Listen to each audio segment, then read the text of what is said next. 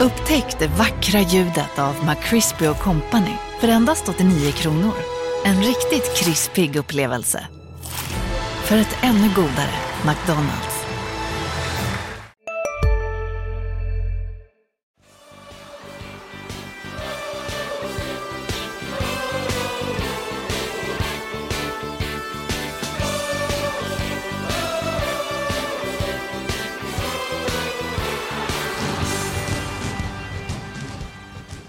Vinterdvalan är över. Landskrona Boys-podden är tillbaka. Det har gått ett par eh, dagar sedan årets första randiga match eh, där Boys eh, tog emot FC Helsingör som leder den danska andra ligan. Blev förlust med 3-2. Vi fick se en del intressanta ingredienser i matchen. Sebastian Rönnström, du och jag ska snacka lite Boys nu. Ja, det ska vi. Det är som du sa, det var ett tag sedan, men eh, kul att, att dra igång igen och att eh, fotbollssäsongen är, är igång här på allvar med, med matcher eh, också här eh, efter lite träningar. Så eh, nu, nu laddar vi och, och kör på för fullt.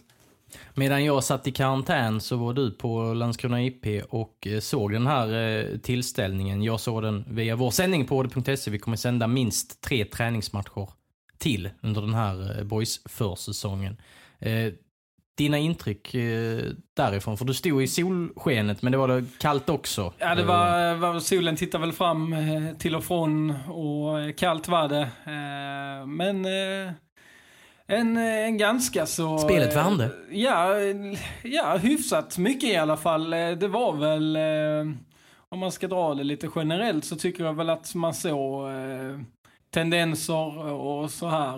Eh, vissa spelare som stack ut lite extra och, och eh, så här. Och själva eh, spelet tycker jag ändå man såg tydligt att det följde, följde de mönsterna som, eh, som Boise har praktiserat under, under en lång tid här nu i några år. Och, eh, det, det var eh, spel, eh, spel på fötter, försök, eh, försök till att lösa situationerna genom att spela sig ur på, på små ytor. Det var, ja, men det, det, det var verkligen det liksom boys man har lärt känna de här åren under Bill Magnusson och Max Möller. Det, att, att planen var där och att spelarna försökte hålla sig till den, det, det tycker jag var tydligt. Uh, inte för att vi misstror uh, dig som lyssnar på det här. Uh, du har säkert koll. Men, men bara för att dra det ändå, on the record. det var Erik Persson som gjorde mål, fram, framspelad av, av Jesper Strid. I 79 minuten va, reducerade till 1-3 och sen så gjorde Linus R. Olsson 2-3 efter assist från ett annat nyförvärv, Robin Sabic.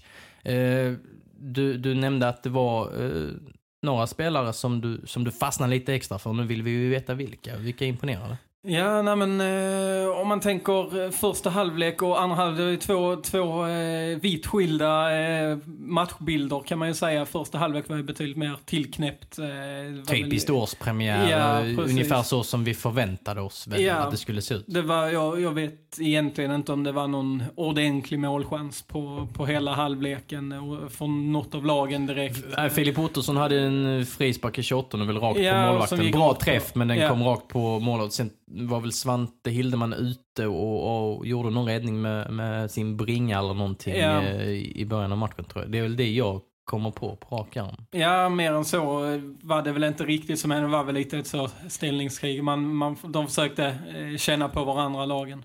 Men sen i 49 minuten så hände någonting. Då hajade man till. Då var det en signal på att det skulle bli åka av. Vad hände då? Man hajade till. Det var Melker Hajor, mittfältaren, som, eh, som tog eh, tag i bollen och, eh, och drev upp tempot i offensiven. Dribblade sig förbi ett gäng Helsingör, Helsingörspelare och slog en eh, passning i en eh, perfekt yta för eh, Robin Sabic var det nog. Som, ja, det det. som sen inte fick ordning på fötterna och fick bollen bakom sig. Så han, anfallet rann ut i sanden men det var en fin aktion av Heijer och hade Sabic fått med sig den bollen så hade det mycket väl kunnat leda till en assist och ett, ett väldigt fint mål. Ja, det, var, det, det, var en kraftfull aktion från Boys nye nummer 10 eh, sedan Robin Hofsö lämnar för Falkenberg. Så Där har han också fått nummer 10 för övrigt. Men så har han kanske en mer, eh, vad ska man säga, nummer 10-kompatibel spelare i Melker Heijer då fått eh, där, den där tröjan Ja, ja men precis. Eh, sen Melko Heijer blandade väl och gav lite sen eh, under resten av andra halvlek. Boys körde ju med, med två eh, olika startelvor. Det var ju bara Robin Sabic eh, som spelade hela matchen. Edvin Dahlqvist eh, spelade 68. båda halvlekarna men Ja. gick ut i 68 minuten. Eh, men eh, så, så då efter paus när de här eh, nio nya spelarna kom in på planen så blev det ju helt annorlunda. Då, då hade Boys det tuffare i försvarsspelet. Man, det, det kändes stökigare.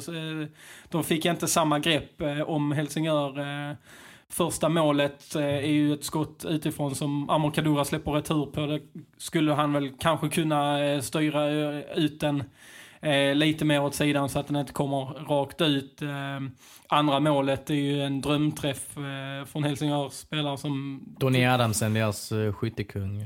Jag står på, på läktaren här på eh, Landskrona IP ungefär perfekt i linje med bollbanan och den, den är perfekt. Eh, Det är riktigt snyggt skott som går eh, stolpe in upp, uppe, eh, nästan uppe vid krysset. Ja, alltså det, jag gillar den detaljen när han silade förbi en, en boysare också innan han då knåar in. Det var, ja, det var läckert. Ja, där fanns, där fanns kvalitet i offensiven i Helsingör helt klart. Tredje målet är också ett skott utifrån som dyker in lite längre ner i, i målet. Eh, ja, Oliver Drost som blev tvåmålsskytt. Där kan man ju eh, kritisera eh, det passiva försvarsspelet. Han fick ju vandra från halva plan i princip och bara eh, gå framåt och, och placera in den i bortre. Boys-spelarna bara tittade på, men eh, sen eh, agerade de och reagerade och, och gjorde mål och, och, och skapade någon form av spänning i en match som inte egentligen ska vara spännande. Nej, det, det blir ju så. Eh, På tal då om eh, även 2-0-målet eh, eh, tyckte Billy Magnusson när, eh, när jag pratade med honom efteråt att eh, det var eh, lite att Boys släppte in dem i fel ytor eh, så att de fick lov att ta eh, skotten där. Eh, det var han inte helt nöjd med, men han var, han var nöjd med att laget eh, reste sig efter de tre eh, tunga insläppta målen där eh, och att man, man kom tillbaka och gjorde match av det igen. Betyder det någonting att, att eh, det inte blev en stor förlust och att eh, någonstans eh, eh, ja, men, var lite positiva eh, avslutningsscener i, i, i, slutet av matchen för Boys sida? Ja, men det kan det säkert göra.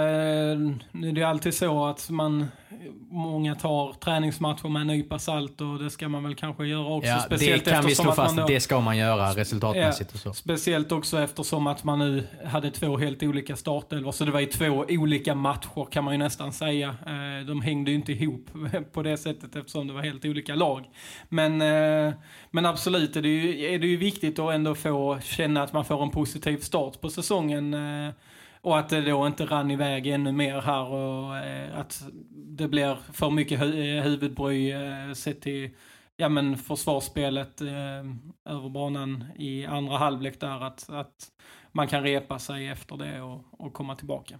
För känslan när vi sitter här ett par dagar efter, det, det är ändå att det var en, en ganska positiv match med, med skönhetsfläckar såklart. Det ska det ju vara i en årspremiär, det ska det vara i, under stora delar av försäsongen. Men eh, eh, Boys mötte ett bra lag, ett skickligt lag och en, en klubb som satsat. Det är väl amerikanska ägare och de har, de har några, några spetsspelare i den där truppen. Eh, och och just att vi såg de här tendenserna som vi har sett under tidigare år under Billy Magnusson och Max Mölder och eh, ja men nyförvärven har gjort sin entré nu och, och vissa såg till och med spännande ut och, och, och så vidare. Det, känslan är ändå att ja, det ser lovande ut. Eller är vi för positiva? Ja, nej men absolut eh, ser det, ser det lovande ut. Eh, man ska komma ihåg att det har ju hänt mycket i truppen eh, sen vi spelade in senaste avsnittet av, av den här eh, podden. Många trotjänare och framförallt tre eh, av de allra bästa spelarna som har eh, lämnat och så då sex nyförvärv in. Så, så det är ju klart att det är är en process att och få ihop det. Men att man då redan i, i första matchen ser tendenser i spelet, eller i alla fall att man följer de mönsterna som, eh, som man vill eh, utgå ifrån, det, det är ju positivt. Eh, sen så är det ju en lång, lång väg kvar innan, ja, nu kommer det ju, dröjer det inte jättelänge till Svenska Cupen drar igång, men det är ju en bit fram till, till Superettan-säsongen startar, så, så där finns ju, finns ju tid att, att slipa på, på alla detaljer här under försäsongen. Nämner du alla spelare som imponerade på dig? Ja, ja eh, det, det, det, det, det försvann här i, i den här diskussionen. Men, ja. eh, Tio minuter senare så får du gärna nämna dem. Ja, ja men vi, vi kan väl börja med då årets första målskytt. Erik Persson eh, tillbaka efter eh, det tunga fjolåret. Eh, eh, där han hade problem med, med psykisk ohälsa och, och skadebakslag på skadebakslag. Och bara gjorde fyra inhopp i, i superettan. Nu, nu får han vara med från början här under eh, första säsongen. Jag inte, han var dock med från början för, förra året också ska vi. Ja, han var ju med precis, i Svenska men, cupen och, och, ja. och, och, i årspremiären och så. Men sen så blev det eländigt hela året. Ja, men eh, tillbaka nu i alla fall och, och, och, kan börja på ny kula igen så att säga. Och eh, jag tycker att eh, med tanke på hur fjolåret blev för honom så, så var det ju väldigt positiva signaler han skickade i den här matchen. Han har ju senaste, han spelade 21 minuter mot Akropolis 24, 24 oktober, oktober förra, eh, förra hösten där. Och sen så eh, gjorde han 20 minuter i internmatchen förra lördagen. Så nu gå in och spela 45 minuter och med det drivet som han faktiskt hade, för det, det stack ut, måste jag säga. Eh, han, eh, han var aktiv, han sprang, han ville så mycket. Eh, antagligen också en, en konsekvens då av, av, allt som hände i fjol, att han helt enkelt eh, hade så mycket i sig som, som ville ut. Men eh, ja, det, var, det var spännande att se och jag tycker framförallt eh, en intressant grej var liksom samarbetet med eh, främst då kanske Linus R. Olsson, Robin Sabic passade också bra ihop i alltså själva trion så, men Erik Persson och Linus R. Olsson, det, var, det var spännande. Linus Olsson var, var riktigt bra faktiskt eh, i andra halvlek och eh, de två eh, hittade någonting under matchen som, eh, ja det ska bli intressant att se om, om, om det kan eh, funka på längre sikt också eh, mellan de två. Håller med. Och Erik Persson nämnde ju det i, i den läsvärda intervjun som, som du gjorde med honom efteråt också, att de har bara spelat ihop två gånger, sa han väl, han och Linus R. Olsson.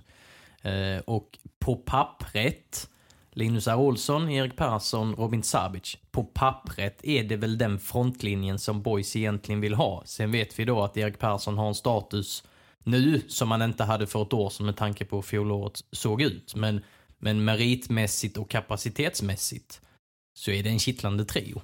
Det är det. Eh, om man ser Robin Sabic är ju varvad för att vara Kevin Jensens ersättare. Så han, han lär ju ha stort förtroende här i, i början och förvaltar han bara det så, så kan det bli bra. Eh, Linus Olsson var ju, var ju riktigt vass i höstas. Eh, när många andra slet med formen i boys så gjorde ja, han gjorde väldigt poäng många i varannan match eh, och var fantastisk på Vångavallen exempelvis mm. i, i derbyt mot Trelleborg och eh, gjorde, gjorde flest mål i laget också mm. trots att han missade eh, stora delar av säsongen faktiskt. Ja, så det, de, de två känns ju, eh, känns ju ganska tydliga som första valen på eh, kanterna och sen är det ju då Eh, den centrala forwardspositionen där Erik Persson som du säger är den som är eh, historiskt sett, eller vad man ska säga, den som bör vara främst i ledet. Eh, Viktor Ekblom fick ju chansen lite grann i superettan förra säsongen och dessutom haft hjärtproblem här nu så han, var han står i konkurrensen är väl kanske svårt att säga. Ja, och kollar man statusmässigt och förväntningar och liksom vad de har gjort tidigare i karriären. Erik Persson, han har spelat allsvensk fotboll och varit utlandsproffs. Och mm. Viktor Ekblom, eh, det var inte jättemånga år sedan han spelade i, i, i division 2 och division 4 och så vidare. Så eh, de kommer från, från olika miljöer, eh, verkligen. Ja. Och sen eh, finns det ju också eh, nyförvärvet Osman Diawara som, som också kommer från en annan miljö. Eh, I division 2 eh, är han ju plockad ifrån, eh, där han gjorde väldigt många mål. Men det här är ju ett rejält steg upp eh, i hans karriär och det lär ju säkert behövas en anpassningsperiod. Eh, man har ju sett många exempel såklart på på spelare som kommer från lägre divisioner, inte minst i Boys som ju har tagit enorma kliv i sin utveckling. Men, men eh, eh, det, det, är ju klart att det, det är svårt att, att eh, recensera var, var, han står i den här konkurrensen här och nu, utan man får nog vara beredd att ge honom lite mer tid eh, innan man eh, innan man bedömer eh, hans startchanser. Men han är väl kanske den som här och nu känns som den som konkurrerar med Erik Persson främst eh, om den centrala forwardsrollen. Linus Aulsson kan ju spela där också men är ju, eh, är ju nyttig ute i, i, sin roll på vänsterkanten. Ja, Osmane Diawara med tanke på hans förflutna och eh, du pratar ju med honom efter matchen, den texten kommer ut här i, i, i dagarna. Um, ett intressant snack för övrigt det också. Um, han började spela organiserad fotboll när han var var 15 om jag har förstått det rätt och, och kommer då från småklubbssfären. Eh, nästan så att man kanske får kalkylera med att han kommer gå på några nitar rent fysiskt för det känns som att han, han har en kropp som ska byggas upp för eh, elittempo och, och, allt vad det eh, innebär. Men eh, han har ju då som Erik Persson sa efter matchen också, han hoppar ju för fan fem meter upp i luften. Han har ju en spänst och spetsegenskaper som Ja, lyckas eh, Boys få ut dem så är det ju en riktig joker eh, och kanske en blivande publikfavorit. Men där är vi inte än, för vi har sett för lite. Men det, det finns någonting i honom.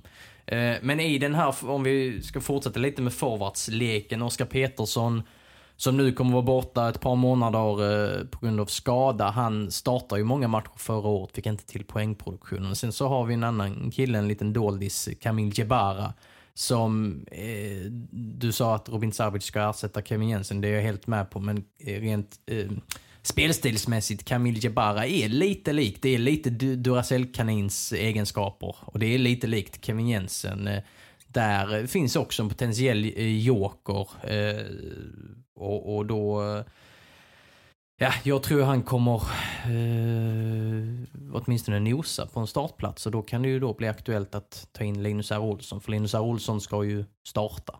Eh, sen vad han gör det, det får vi se.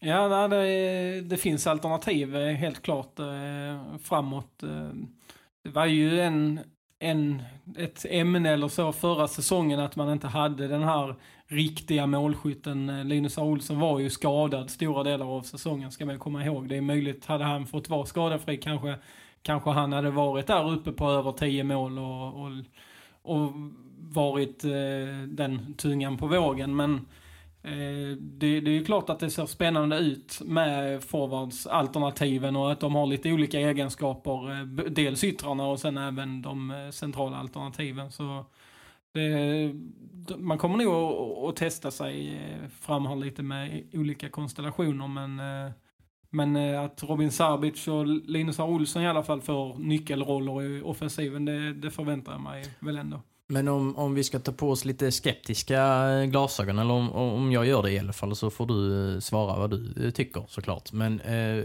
Erik Perssons historik har vi varit inne på. Kan man verkligen förvänta sig och tro att han är, är på, på liksom startnivå under hela säsongen. Linus R. Olsson har också en historia där han brukar gå sönder under en månad, två, tre eh, under säsongerna. Det är inte sällan han spelar 30 matcher per säsong. Hos Mane Diawara eh, har vi nämnt. Eh, Viktor Ekblom har också han råkade ut för mer kanske oturliga skador förra året och, och sin hjärtproblemen och så också. Han är väldigt oprövad på den här nivån. Kamil Jabara lika så. Robin Sabic har inte varit en startspelare på, på seniornivå. Um, behöver de någonting mer? Uh, vi vet också hur det såg ut förra året där det var väldigt, väldigt många skador. Um, och nu har vi några spelare här som kanske faller in i den kategorin att, att det finns en viss skadebenägenhet. Uh, vad händer då? Alltså sett till antalet så är man väl ganska bra klätt eh, längst fram. Men, men det är som du säger, det, det finns ju frågetecken. Och, och åker man då på en två, tre skador på de här eh, sju forwardsen som man har i truppen, ja då är man ju i ett läge, kanske samma läge som man var i förra säsongen. Och, och då är det ju klart att det hade varit skönt för boys att ha ett alternativ, alltså lite mer eh, säkert kort eh, att spela ut. Eh, det, det kan konstigt formulerat kanske eftersom att ingen spelare Eh, alla kan bli, alla kan bli skadade, såklart. Ja. Men, ja. men alltså någon som kanske inte har Någon som har en annan historik och Ja. ett annat mönster över tid kanske. Precis. Eh, sen eh, så, ja, Erik Persson eh, levererar man som man vill att han ska göra och, och håller sig skadefri, ja, då, då är han ju en startspelare givetvis. Alltså då är han ju bra. Och det är ju Sabic och, och Linus Olsson också, vi nämnde de här jokrarna som, som kan komma in och avlasta. Men det är ju säkert, säkert så att eh, Boys inte stänger några dörrar för, eh, för alternativ framåt eh, ytterligare. Men eh, sett till antalet så är man väl hyfsat klätt i alla fall. Eh, så det, det är svår, lite svårt att svara på men eh, det, det känns ju ändå lite öppet eh, skulle jag nog säga. Men det känns som eh, Viktor Ekblom och Kamil Jabara då som är eh, men lite, lite doldisar, oprövade och så att de, de måste hålla en hög nivå också och verkligen flåsa de andra i, i, i nacken för att de kan mycket väl få en hel del speltid med tanke på den här historiken som vi pratar om på, på, på några andra spelare.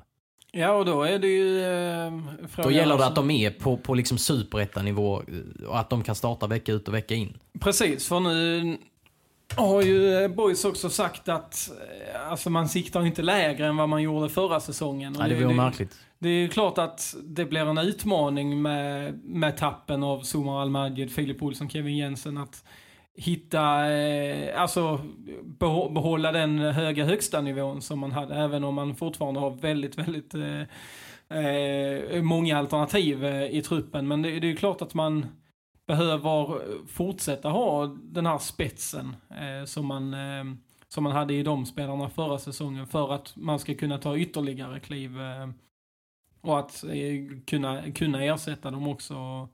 Men samtidigt så det, det kommer vi komma in på mer eh, eh, längre fram i det här avsnittet eh, hur, hur Boys har liksom byggt sin organisation. Eh, och där tycker jag att man har tagit rätt beslut eh, och fokuserat på, på rätt grejer för att eh, eh, generera mer av det man redan har än att eh, kanske lägga pengarna på spets eh, nyförvärv eh, istället. Eh, där, där tror jag att man, man har mycket att vinna på att, eh, att investera i det som redan finns. För det såg vi förra säsongen eh, att när spelarna väl var skadefria att det fanns en hög högsta nivå eh, i många av dem. Ja, vi ska djupdyka lite i, i det ämnet lite senare som sagt. Eh, men det är ju också kopplat till, alltså så som de har byggt detta, att, att man kanske, om man ska säga att man gamblar lite med att ta in eh, Osman Diawara som kanske kan bli fågel, kanske kan bli fisk och, och att man skickar ut Robin Hofse som, som ju faller in, eh, ingen garant för att han gör tio mål, men en garant nästintill för att han, eh, han är där vecka ut och vecka in. Man vet vad man får. eh, Ja, men lite mer. så. Eh, Men att det kanske finns en större uppsida om en kille som Diawara eh, lyckas och skjuter i höjden. Ja, nej, så, eh, så är det ju såklart. Och det, man har ju tagit de här besluten för att man tror att, att det är det bästa och för att de, man tycker att de är nödvändiga för att kunna ta nästa steg. Att vissa spelare kanske helt enkelt inte håller för att, för att vara med. Eh, eller att man, man behöver nytt, eh, nytt blod i truppen för att kunna ta nästa steg och vara med och fighta som en, eh, om en topplacering eh, hela vägen in. Sen de som är petiga, jag vet att Robin Hofse var borta i princip hela 2020, men över tid är det ändå en spelare som, eh, som kan inte dra, dra på sig eh, bristningar i baksida eh, varje månad så att säga. Du förstår, du förstår vad jag menar Ja. Sebbe i alla fall. Ja. Nu har vi snackat kanske lite för länge om forwardsleken. Ska vi, ska vi gå ner lite Eh, i de bakre leden? För du, eh, både du och jag eh, fastnade ju för en spelare förra året och vi är väl fortsatt, ja men, kan tycka att han är lite beundransvärd, den skrikande och gormande och lite nallebjörnsaktiga eh, Andreas eh, Murbeck. Ja, nej, han, eh, om man tänker Erik Persson eh, som var en spelare som jag lyfte från matchen mot Helsingör så var ju, är ju Andreas Murbeck definitivt en annan. Han, eh, syntes och hördes eh, rejält. Han spelade ju i första halvlek ihop med Filip Andersson i, eh, i, för, i mittförsvaret och det, jag, jag, ja, han eh, var ju det redan förra säsongen men man märker så tydligt när man är så nära planen så att säga att det är en spelare som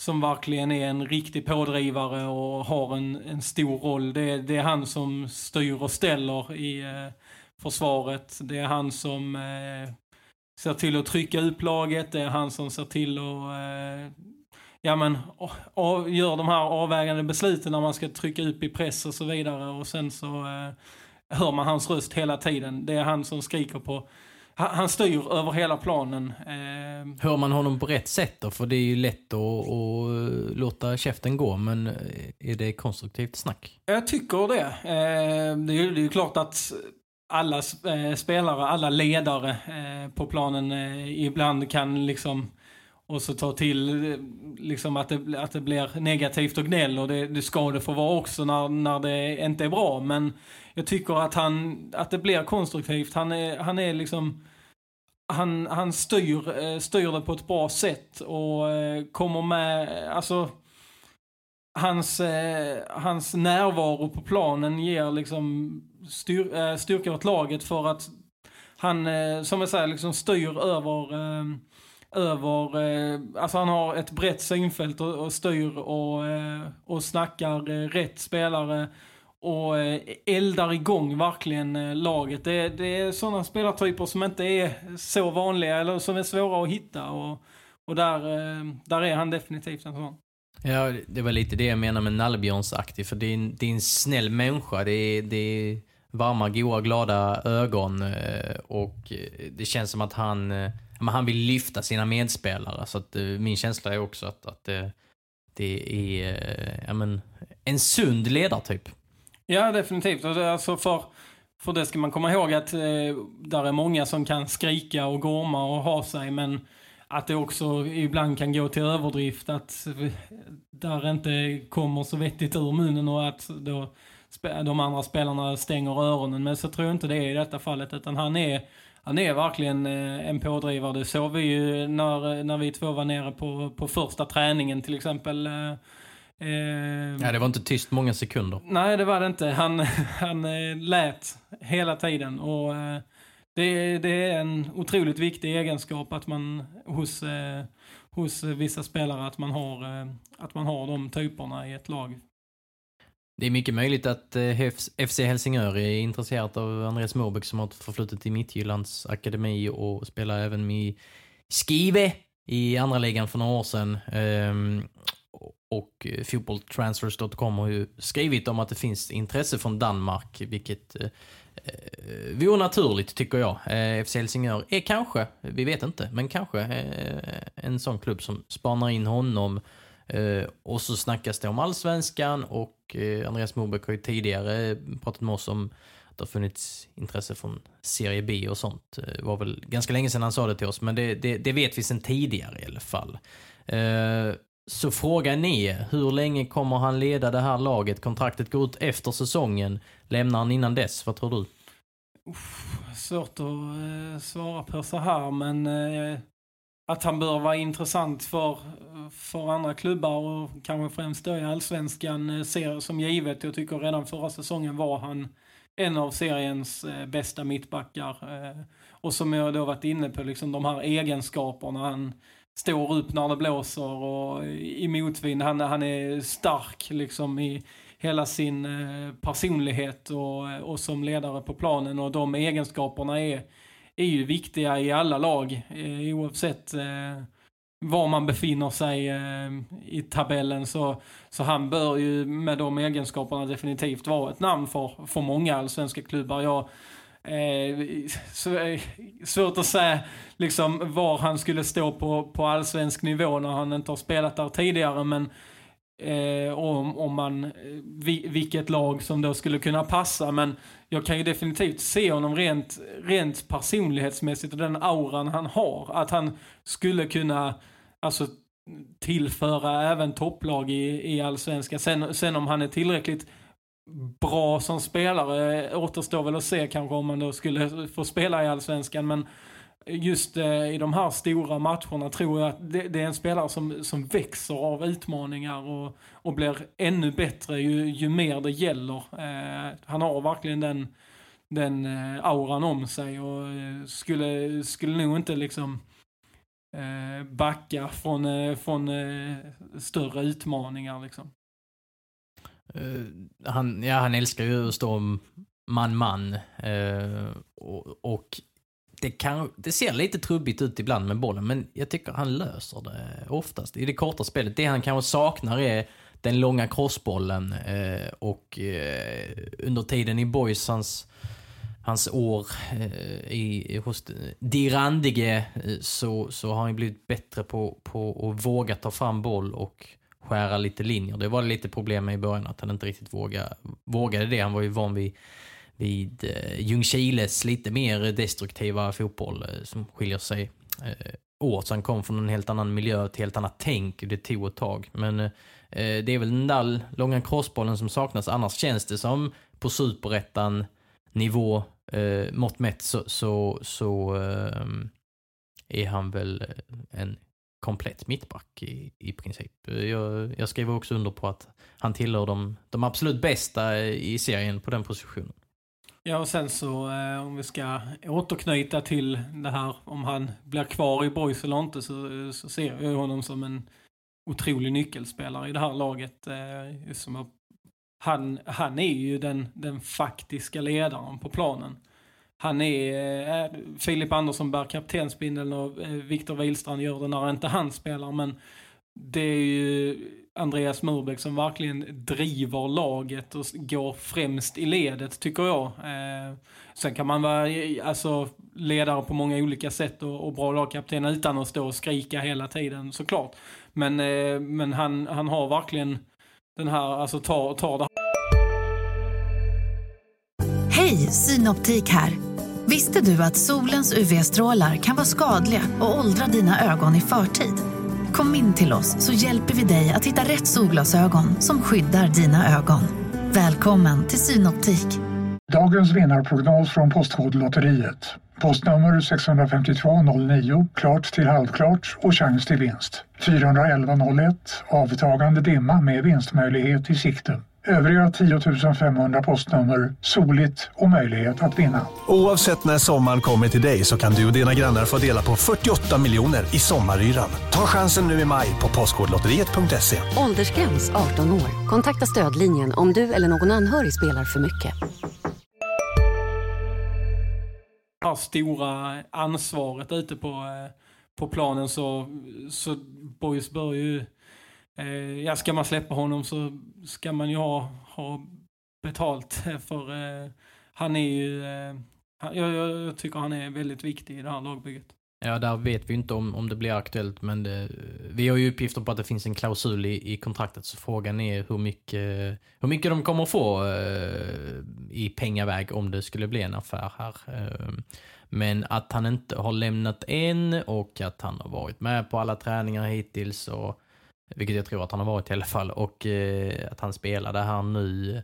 Eh, det ger ju någon form av hint eh, om att eh, chansen finns att han stannar. Det känns som att eh, det har ju funnits tid eh, för en affär tidigare. Ehm, så att, ehm, ja, vi får, eh, vi får se vad, vad som händer. Men, men eh, trots att Boys har många mittbackar i truppen och trots att två av dem eh, alternerar mellan eh, att bära kaptensbindeln så, så hade det alltså märkts om Murbeck lämnar. Där, där liksom, det kan vi konstatera. Eller? Ja, det, jag, jag, tror det. Eh, absolut. Alltså, jag tror inte att eh, all, hela eh, korthuset rasar liksom om, om man plockar bort Murbeck. Så, så, eh, så är det ju inte. Men för det, Johan Rapp, Filip Andersson, Viktor Wihlstrand är jättebra. Mittbackar de också. Men det är, det är klart att han, eh, att det skulle vara ett kännbart tapp eh, just i, i det här, de kommunikativa delarna och i, i hans eh, spetsegenskaper. Det, det tycker jag nog ändå. Och med i eh, mittbacksledet lite där bakom övriga mer etablerade seniorspelare finns Alec Brandt Erlandsson som för närvarande är skadad och William Ondrejka som A-lagsdebuterade mot Helsingör då som vänsterback. Eh, ska vi prata lite mittfält också? För vi har pratat, eh, vi har pratat om forwards, vi har pratat om, om backar och vi kan väl eh, syna mittfältet eh, lite också för där känns det väl som att det kan hända någonting på infronten. Att Boys letar efter något kort eh, som, eh, som skulle kunna gå in och vara en rejäl eh, startkandidat. Just nu eh, på mittfältet så hittar vi Melker Heijer, Filip Ottosson, Emil Jönsson, Nikola Ladan eh, som är ny från Gais, eh, Alen Smajic, Jakob Blixt. Oskar Petersson kan spela åtta och så vidare också. Men, men så, så som, som läget ser ut nu med liksom ordinarie mittfältare så är det, så är det dem. Så det är 60 antalet. Och då vet vi att Filip Ottosson, Emil Jönsson och Nikola Ladan eh, är med i eh, leken om att spela sittande mittfältare, alltså en defensivt präglad eh, roll nummer, nummer sex som det så modernt kallas. Hur ser du på, på mittfältskonstellationen som den ser ut just nu? Ja, men då ska man ju ha med sig att Zuma Almadjed och Filip Olsson har lämnat. Att Filip Ottosson är den enda av de tre som i mångt och mycket utgjorde det ordinarie mittfältet förra säsongen. Han är den enda som är kvar där. Eh, ja, så som de börjar. Mel Melker Heijer var ju väldigt bra men spela, ja. spela hälften av matcherna startade inte han. Ja. Så, men att Filip Ottosson tar en av de här tre rollerna, det, det känns, väl, känns väl ganska såklart eh, eftersom han bevisligen var väldigt bra förra säsongen. Och Melker Heijer ser jag ju definitivt som en startspelare. Det är ju den, den största talangen här i, i Boys trupp. Eh, eh, I mina ögon i alla fall och säkert i många andras också. Så han, han ska ju verkligen få chansen nu. Det, det är ju det är dags eh, för honom att, att kliva fram nu när det har blivit lite luckor på... på kan väl till och med bli en uppgradering. Faktiskt. Ja, ne, ja det, det är mycket möjligt. Eh, hans eh, spetsegenskaper ska bli kul att se om han nu Eh, som han också hade väldigt, eh, eller hade en del skadeproblem förra säsongen så får han ordning på det och kan spela 30 matcher i, i Superettan så ska det bli väldigt kul att se eh, vilka steg han kan ta. Så där är ju två, eh, två platser. Då, då är det ju liksom beroende på hur man väljer att använda Filip Ottosson eh, som du var inne på. Hostattacken i Landskrona Boys-podden. Så äh, Filip Ottosson då kan, eh, kan användas som en, äh, som en sexa. Äh, och ja men det, det fråga, frågan är var han gör sig bäst egentligen. Han, han spelar ju lite i den rollen i Västerås utan att det riktigt lyfte. har ju, pratade ju också förra säsongen om just hur han känner att han eh, vill bli en mer poängspelare. Han, han låg ju med i toppen där i, i poängligan förra ja, Tillsammans säsongen. med Kevin Jensen och Linus R. Olsson. Precis, så han... Eh, ja, det, det, det beror väl kanske lite på hur man väljer att använda honom. Nikola Ladan eh, finns ju... Eh, han har ju bevisat i Degerfors till exempel att han håller en väldigt hög nivå. Men förra säsongen hade han det kämpigare i Gais och det är lite svårt att säga var han står. Är, kommer det att, att lyfta i boys eller kommer det inte? Det, det återstår ju att se. Men... Det känns lite som sista chansen för honom, ja. Eh, född 93 och eh, när han var i Degerfors, Nikola Ladan, så, så såg jag honom som en blivande allsvensk spelare. Det fanns väl intresse från allsvenskan också, eller det har han själv berättat. Sen fick han sin, sin korsbandsskada och sen har det gick, ja, sen gick det inte jättebra i Gais helt enkelt. Eh, men, men eh, ja, nu, nu, nu skrev han på ett tvåårskontrakt med Boys eh, och ja, någonstans känns det som sista chansen om han ska, ska nå de där höga höjderna som, som han visade i Degerfors och kanske klättra uppåt i seriesystemet. Mm. Och Ser man då till bakom de här tre så Emil Jönsson eh, har ju inte gjort många framträdanden i Superettan, var utlånad förra säsongen och eh, är väl kanske en bit ifrån ändå liksom att vara där. Eh, han startade väl fyra matcher i Superettan ja. men det var ju mycket speltid där i slutet och så. Mycket på grund av, eh, av skador och så. Jakob Lixt eh, har, har, är ju lite spännande med sitt eh, offensiva driv och att han vågar ta skott utifrån och så här. Men eh, också, man vet inte riktigt eh, exakt eh, hur konkurrenskraftig han är i, en, i kampen om en startplats. Allen Smajic är ju jätteung så han har 16 år. ju framtiden, eh, framtiden för sig. Det är väl orättvist mot honom att förvänta sig att han ska gå in och spela någon bärande roll på ett mittfält eh, redan den här säsongen. Så det är väl klart att där, där finns lite frågetecken för, eh, för spetsen på mittfältet. Och att Boys nog är ute och, och kikar om man kan få in något, något eh, starkt eh, namn som kan eh, ta en ordinarie plats. Jag skulle säga att det finns lite frågetecken kring bredden också, för du är inne på det med Emil Jönsson, Allen Smajic. Hur mycket ska man förvänta sig? Hur mycket ska man kräva där? Eh, det, om de har sex mittfältare och, och, och de är två av dem, eh, ja, det medför eh, antagligen ganska rikligt med speltid, så att då måste de ligga på en hög nivå. Eh, ytterligare ett argument för att, för att titta på en mittfältare till som jag ser det i alla fall. Ja, det är nog där jag ser i alla fall att, att Boys har störst behov. Vi pratade om om eh, anfallarna innan att eh, där finns eh, eh, frågetecken kring, kring de enskilda spelarna. Men mittfältet är nog där man kanske just nu är i störst behov av, eh, av ett eh, starkt tillskott så, så som jag ser det. Man, man har ju man har ju inte ersatt, om man, eh, Billy Magnusson har aktat sig för att göra den jämförelsen, men om man ser då att Nikola Ladan ska spela i den här sexarollen så så blir han ju en form av ersättare till Somar Almadjed rent truppmässigt. Då, då saknas ju fortfarande en ersättare för Filip Olsson. Men det är väl Melker Heijer som är ersättare? Ja. Det var lite det jag menar med uppgradering. Filip Olsson, det låter nästan konstigt att säga när, när, när det är en spelare som har eh, skrivit på ett allsvenskt kontrakt nu och säkert kommer göra det bra i Sirius. Men, men Filip Olsson var ju inte dominant förra året. Och, och, ja, ja. Nej, alltså, så... Vi kanske lägger för mycket tyngd på, på Melker Heiers axlar, jag vet inte. Men, men där, det är ju den liksom interna lösningen och en, en, en, en, en eh, på pappret i alla fall, klockren ersättare. Men sen å andra sidan behövs ju något, något mer där bakom ja, och något precis. att komplettera med. Ja, där, där är jag helt med liksom att Melker Heier mycket, alltså mest troligt kommer att fylla den eh, rollen väldigt bra. Men att man då till numerären skulle behöva eh, kanske ersätta eh, Filip Olsson eh, med no någon annan eh, spelare. Det, det, det, är nog där jag tycker Boys bör lägga tyngdpunkten. Eh, om man då ser liksom hur viktig Somar Almadje var för laget förra säsongen. Att hitta hans, alltså att ersätta honom rakt av kommer ju inte gå men... Det är en nyckelroll eh, så en som Boys spelar.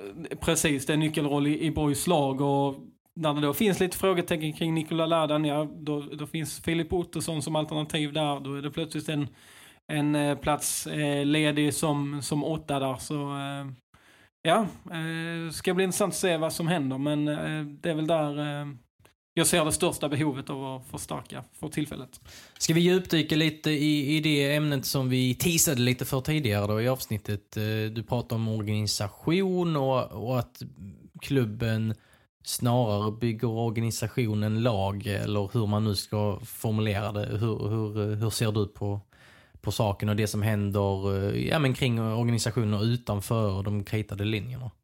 Ja, nej men det är väl klart att att Boys har tagit in, alltså de sex spelarna man har tagit in. Ja, det är inte så att de inte bygger ett lag. Nej, eh, precis. Förstås rätt. Ja, eh, så de, de är ju invarvade för att bidra såklart, men... Ja, de är handplockade sett till liksom spelmodellen ja. och så, det ska vi ha klart för oss. Men det är ju inte den sortens nyförvärv som kommer in med en, en garanti om att eh, leva. Alltså det är ju inte etablerade namn på det sättet som, eh, som det kanske andra klubbar. Det är ju inte Emir Kujovic eh, bomb. Det är inte den eh, värvningskategorin. Nej, det är ju inte det. det, är, det är ju, man håller ju sig till den strategin man har haft i eh, under eh, Magnusson och, och Mölders eh, ledning här. Eh, att man försöker hitta eh, spelare. Nu har man visserligen plockat då Nikola Ladan som var i Superettan med Gais förra säsongen. Och Albin Linnér från AFC Eskilstuna. Men det är Jesper Strid från Lund och det är Edvin Dahlqvist från ut, eh, Kviding och... Eh, han har varit i Utsikten men han, han spelar inte en där. enda match. Så är det. Ja.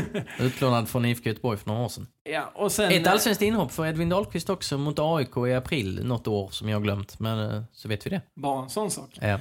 Och sen Usmane Diawara från... Eh, Från division 2 från Karlberg. division 2. Robin Savic då eh, ska ju också i, i facket med Ladan och, och Linnea kommer ju från en, ett superettanlag. Eh, även om de Ja, det bästa superettanlaget. Ja. Eh, så eh, det är väl han som är den på förhand som man känner är given i en startelva. eh, Så som det. Sen kan ju mycket hända, men, men att han, han är ju plockad för att vara en direkt ersättare till Kevin Jensen eh, rent eh, sett liksom så.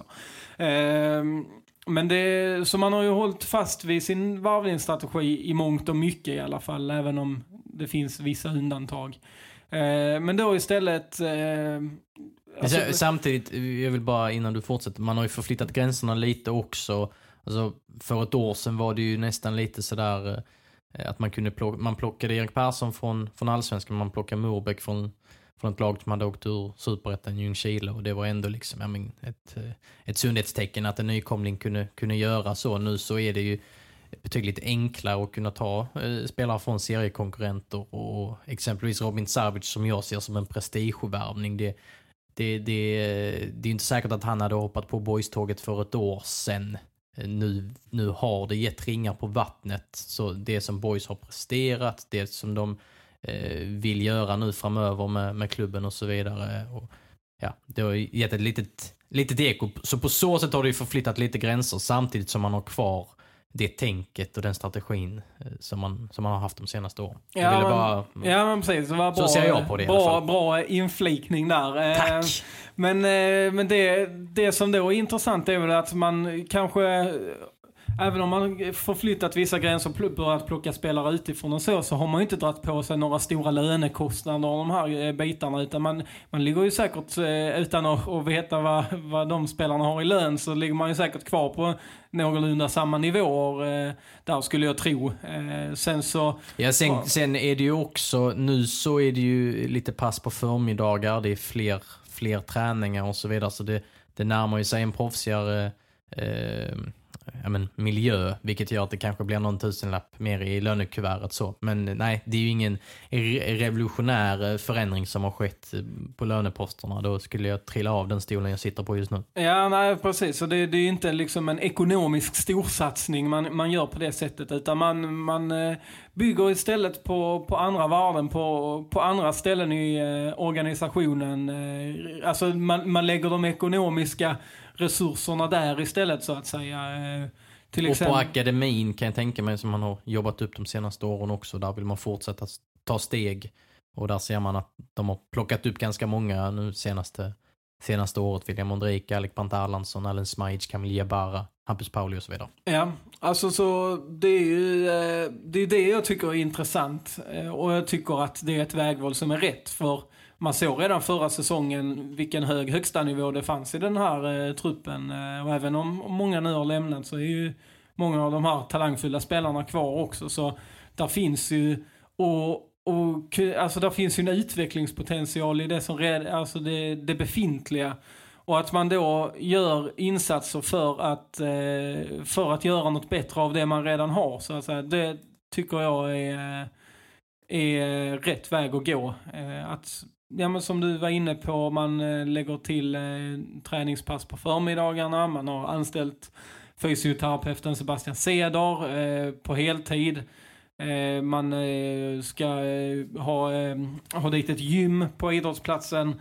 Allt för att, få göra någonting bättre av det som redan finns. Eh, och det tycker jag är ett, ett intressant vägval eh, som jag tror eh, kommer gynna boys eh, på sikt. Inte minst då ekonomiskt att man eh, bygger, bygger på rätt ställen. Det, kommer långsiktigt att, gynna klubben istället för... Det var också då efter första träningen som vi var på och pratade med Billy Magnusson om just detta. Och han menar just det också att på lång sikt så är det bättre än att...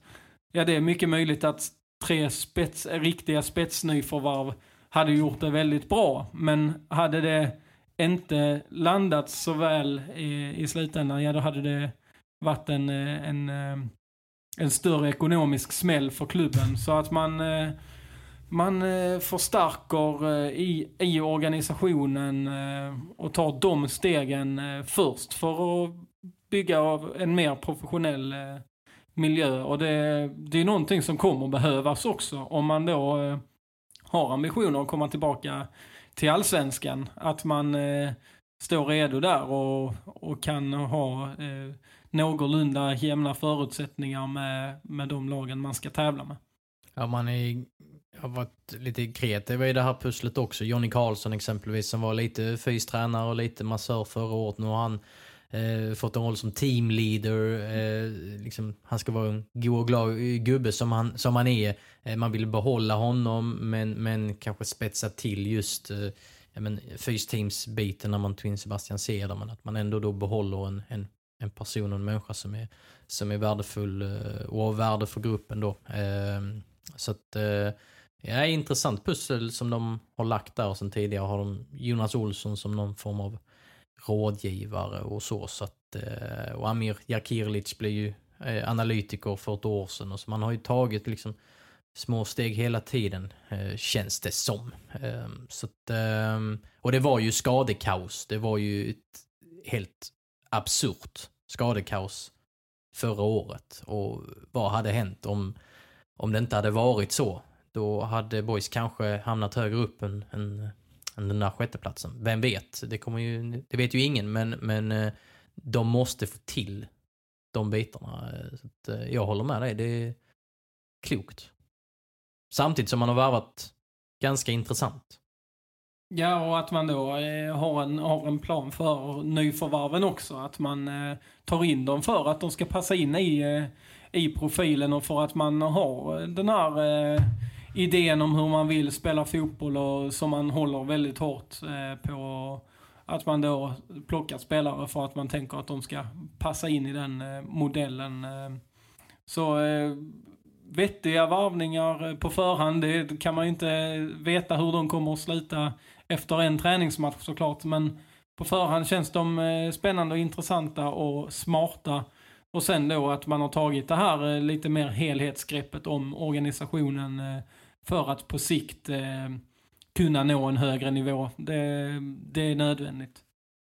Snittåldern i truppen har, har blivit sänkt också, bara en sån sak. Det, det indikerar någonting. Det, det, det är ett aktivt val som jag ser det. Eh, sen, sen, tror jag, eller jag vet att det är många som hoppade till när Robin Hoffs inte fick nytt kontrakt exempelvis. Och kanske Hampus Färm. Det är väl de två spelarna man kan diskutera eh, främst. Så Malmadjed, Kevin Jensen, Filip Olsson är en helt annan eh, kategori. Nu, nu tänker jag på de som inte fick liksom, nytt kontrakt. Eh, men eh, det här med liksom, Skånes lag och de, de har ju varit ett helskånskt lag eh, under ett, två år. Eh, så kan man väl inte ha det eh, över, över tid om man ska tillbaka till allsvenskan och, och göra en sån satsning. Det, det är kanske lite naivt att tro att Boys ska, ska vara, ja men, att Atletic klubb exempelvis som bara har, har basker och så. Att man vidgar vyerna lite, ja, det är väl någonstans nödvändigt samtidigt som man har kvar den, den eh, skånska prägeln. Så hade man inte gjort det den här vintern hade man väl varit tvungen att göra det nästa vinter, tänker jag, eh, kring, kring hela situationen. Även om det, det är känsligt och sparka trotjänare och, och över tusen boysmatcher har försvunnit så, så eh, känns det som att det någonstans ingick i, i den flerårsplanen som de skissade fram eh, för ett par år sedan. Ja, nej alltså det är ju klart att de besluten var, var tvungna att tas någon gång och när man då känner att man har gjort en väldigt bra säsong i Superettan och det finns eh, eh kapacitet i truppen även utan de här spelarna och att man då har möjlighet att kunna eh, kunna stärka organisationen samtidigt som man plockar in eh, intressanta nyförvärv som är tänkta och, och göra det ännu bättre. Så, så det är klart att någon gång måste man eh, måste man ta nästa steg och eh, att då inte att då bygga eh, tryggt och lugnt, att inte ja men man skickar ut, eller över tusen matcher som du säger har försvunnit, men att man då inte öser in eh, spelare med höga löneposter och så här, utan att man man bygger sakta men säkert eh, och, eh, och bygger på rätt ställen i organisationen. Det, det är viktigt eh, på lång sikt också och eh, kommer ju också innebära att boys och, när eller om, om man tar steget upp i allsvenskan så småningom står bättre rustade också. Vi ska komma ihåg att boys sen Max Mölder och Billy Magnusson tog över eh, inför säsongen 2019 så de har skapat resultat. De har blivit eh, tvåa och tvåa två säsonger i rad i, eh, i ettan och kvalade till slut upp då. Och sen sexa, fyra poäng från allsvensk kvalplats förra året som nykomling i, i superettan. Och samtidigt har man slussat vidare sex spelare eh, till allsvenskan på tre år. Och det är ju någonstans så man måste göra, så det man måste sträva efter när man är eh, där man är i näringskedjan. Sen är ju problemet för Boys del att de eh, oftast inte får pengar för sina genombrottsmän. Och det är ju det är ju ett utvecklingsområde som, som, eh, som de såklart tittar på. De fick pengar för Jakob Ondrejka, Filip Olsson eh, hade egentligen kontakter för det här året så där fanns också en övergångssumma. Eh, ehm, så att, eh, det är ju också någonting som de måste, ja men, där de har höjt ribban och där de, där de måste få, få mer betalt. Men, men eh, tittar man, zoomar man ut och ser på de senaste åren så har de ju faktiskt skapat resultat samtidigt som de har utvecklat spelare som, som har blivit allsvenska, allsvenska namn. Eh, det är väl eh, någonstans eh, gör väl det att, att eh, jag har svårt att sitta här och, och, och liksom peka finger eller tvivla på det de gör just nu. Eh, för att eh, de här tre åren har varit ganska lyckade med den här, med den här modellen. Ja, de har ju eh, bevisligen eh, hittat, eh, som du säger, en, en modell som funkar och, och ger resultat. Så nej, jag tror säkert att, att Boys, om man får alla bitar i, i lagbygget att falla på plats, kan göra en minst lika bra eh, säsong eh, även 2022. Men det är ju också väldigt tidigt att säga. behöver man ju se, se mer såklart. Men eh, men nej, jag eh, tycker det ser intressant ut eh, om man ska ta det generellt. Och där finns eh, stor potential i, i truppen. Så nej, de, de, de har, har mycket spännande på gång. Ja, det är ju frågornas tid. I januari vet man ingenting. I januari förra året så satt vi här och, och pratade om att Som Almadjed eh, var ett frågetecken och eh, varför, finns det någon ersättare till Måns eh, Ekvall där på nummer 6 positionen och eh, målvaktsspelet måste fungera och de måste hitta en central forward där Erik Persson fungerar och så vidare. Eh, ja, Som Almadjed slog igenom. Måns Ekvall var inte så ordinarie som vi trodde. Erik Persson hade ett mardrömsår och målvaktsspelet eh, blev ju överlag inte, ja, det var ju ingen braksuccé om man säger så. Och ändå så, så gjorde de det de gjorde. Så att eh, eh, det är ju väldigt lätt att, att kika på frågetecken här nu och det, det, ska vi såklart göra. Vi måste lyfta på de stenarna. Eh, men eh, ja, förra året så, så eh, ja, fast att vissa frågor inte blev besvarade så, så helhetsmässigt så gav laget och kollektivet svar på tal. Så kan man väl säga. Ja, definitivt. Det, det är svårt att, svårt att säga emot när man som nykomling kommer sexa och hela vägen in i sista omgången faktiskt har teoretisk chans på en allsvensk kvalplats. Mm. Um, ska vi, bara för att få en känsla kring hela strukturen i, i truppen eh, så kan vi väl dra kontraktsläget för det är också en sån eh, grej när vi pratar om att flytta gränser. Att tidigare har, har boys gärna velat förlänga och skriva kontrakt liksom två år i taget. Nu har, siktar de på tre år. Albin Linnér och Edvin Dahlqvist och så vidare. Osmane Diawara. De, de har kritat på för tre och man har till och med fått Amon Kadora att skriva på för två år. Han har normalt sett tagit ett år i taget. Ehm, så vi kan väl bara dra kontraktsläget och så, jag drar det så får du komma med dina tankar. Ehm, och, och eh, se om du, om du har någon spaning. Men Amokadora förlängde då kontraktet så att eh, hans eh, Avtal löper över säsongen 2023. Svante Hildeman har den här säsongen också. Och Hampus Pauli har över säsongen 2024. Där har vi målvaktskonstellationen som den ser ut just nu. Johan Rapp 2023, Albin Linnér 2024, Viktor Wihlstrand 2022, Edvin Dahlqvist 2024, Filip Andersson 2022, Alexander Tkac 2023, Murbeck som vi har pratat om 2022, Jesper Strid 2024 och så eh, ynglingen William Ondrejka 2024 och den andra ynglingen Alec Brandt Erlandsson 2023. Upp på mittfältet, Melker Heijer 2022 står det här, jag trodde han hade längre. Han förlängde nog i, i somras. Det ska vi göra en snabb googling på alldeles strax. Eh, Filip Ottosson 2023, Emil Jönsson 2023, Nikola Ladan 2023, Allen Smajic, långt kontrakt såklart 2024. Jakob Blixt 2023 och så bland eh, forwards eh, Robin Sabic 2024. Linus R. Olsson, är det 2022 på honom också eller har vi fel där också? Det ska vi också kolla upp. Osmane Diawara 2024, Erik Persson 2022. Uh, Camille Jebara 2024, Viktor Ekblom 2022 och Oskar Petersson 2023. Eh, du pratar och jag googlar.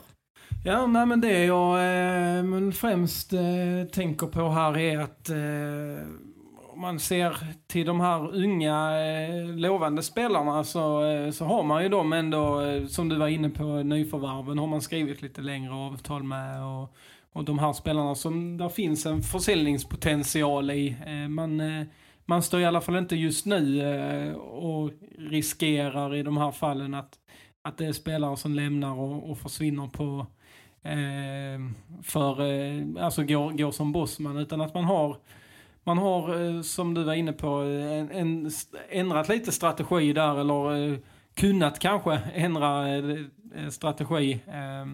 Där man då har möjlighet att knyta upp spelare på längre kontrakt. Och det, det sätter ju Boys i ett bättre läge eh, i förhandlingar eh, med andra klubbar om nu vissa spelare skulle få genombrott här och och, eh, och bli, eh, få intresse kring sig. Så där är, där är verkligen någonting att, att hålla fast i. Att man, man kan liksom lita sig mot det här att det inte är så många spelare som riskerar att, att försvinna. Så här, Viktor Wihlstrand, Filip Andersson som hade kontrakt till 2022. Det är ju spelare som ja men eh, eh, äldre rutinerade spelare som, eh, som säkert det finns möjlighet att förlänga med. Ja, det ska mycket till för att de lämnar boys för, de lämnar för, inte boys för en konkurrent, seriekonkurrent exempelvis. Nej, precis. Så det, nej, där, det är väl det jag fastnar för, just att man, man sitter ganska bra till på, på många av de här yngre spelarna som man skulle kunna få betalt för.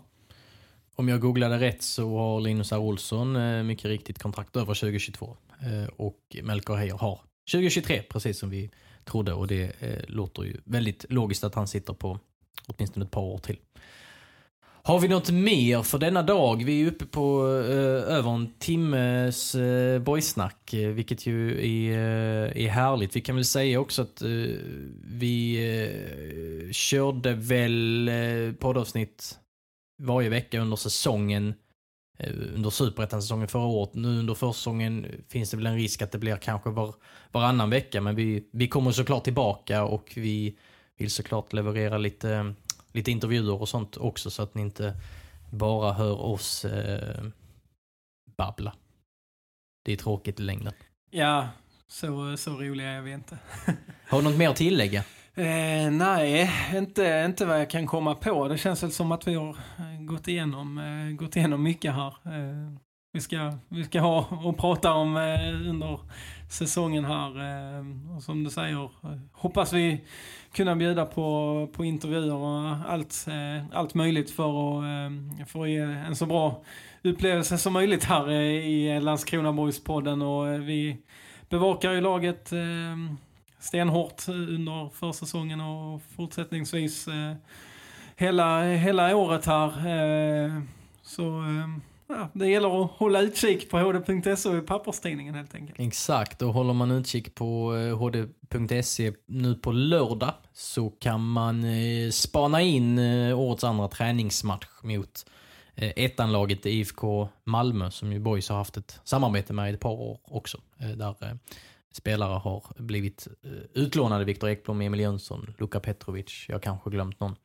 Eh, avspark eh, 13.00 på lördag och den matchen ser ni på hd.se på eh, återhörande och på återseende och allt vad man säger. Sköt om er. Tack.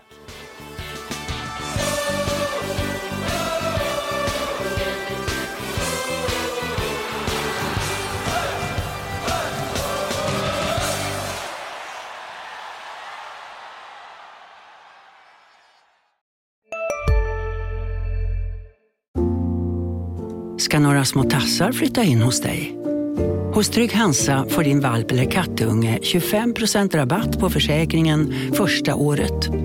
Läs mer och teckna djurförsäkringen på trygghansa.se. Trygg Hansa, trygghet för livet. Just nu till alla hemmafixare som gillar Julas låga priser. Ett borr och bitset i 70 delar för snurriga 249 kronor. Inget kan stoppa dig nu.